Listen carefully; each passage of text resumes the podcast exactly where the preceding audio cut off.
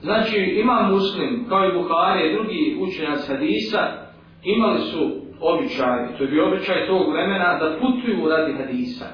Pa putuje iz Hidžaza, znači današnji e, arapski polotok, Meka Medina, Elonan bio, putuje u Šam, odnosno Sirija, Jordan, Palestina, ili putuje u Egipat, da bi čuo neke hadise od onih ravija, ili da bi skratio taj senet, da bi ga skratio, da bio bilo što, da bilo što manje prenoslac između njega i poslanika Alisa.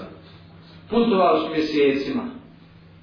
Pa ima ona priča Buhari kada je došao, jeli, putovo je dugo, pa došao do onoga, jeli, ravije da prenese od njega hadis, pa vidio da ovaj mami devu mami je i kad je namamio, nema ništa u sprevario i slagovoj.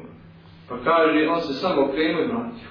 Putovao, putovao dugo, da bi došao od njega čuti hadis, i okrenuo se i vratio. Kaže, kad, je, kad laže debi, onda će slagati na poslanika.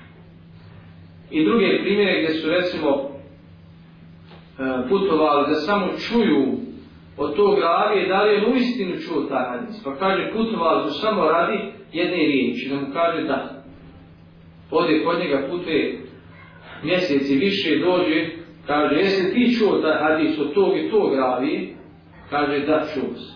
I on samo radi.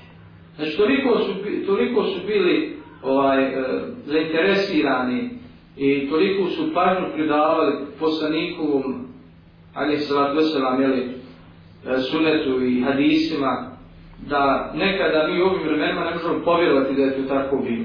Na devu, ne avion da putuje, na devu, na konja, jeli, na lađu i putuje satima, mjesecima, da bi stigao u devu.